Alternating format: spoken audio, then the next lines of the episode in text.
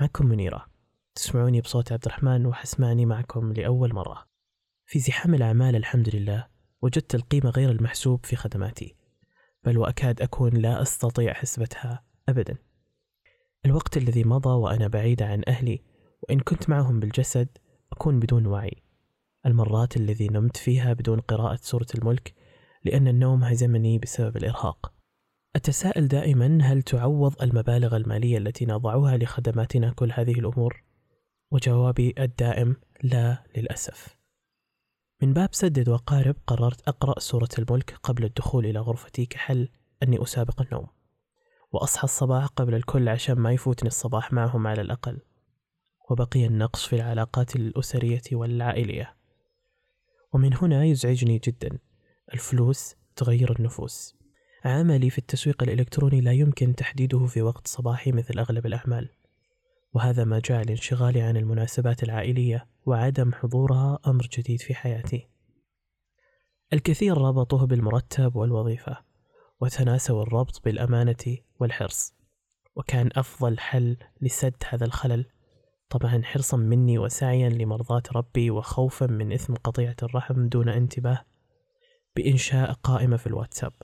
وإرسال رسالتين في اليوم كبديل عن التواصل المباشر معهم ولا أنسى أن أعتذر دائما عن كل مناسبة لا أحضرها وهكذا زدت من الأعمال التي أقدمها لغيري ولكن أرجع أدور في نفس الدائرة هل المال ممكن يكون كافي كقيمة تدفع مقابل خسائرنا الذاتية؟ أسألك متى آخر مرة تابعت فيلم؟ أو قرأت كتاب خارج مجالك؟ طيب تذكر متى آخر مرة خرجت بدون ما تنتبه لواتساب الأعمال؟ وتذكر متى تغيرت أهدافك السنوية؟ وهل تذكر متى تغير شغفك وممارسة هواياتك؟ كل التغيرات لا يمكن أن تعوضها المبالغ المالية.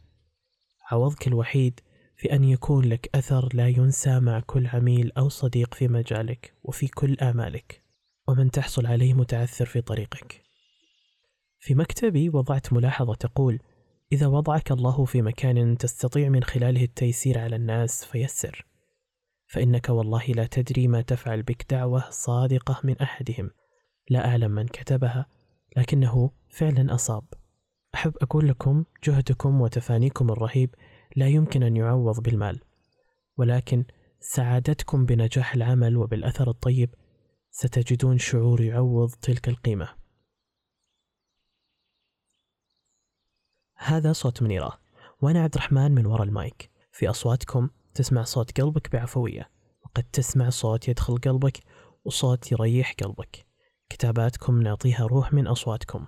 شاركونا نصوصكم ورسائلكم ودعوا أقلامكم تحبس ما تتقيأ به قلوبكم. بودكاست أصواتكم من قلوبكم.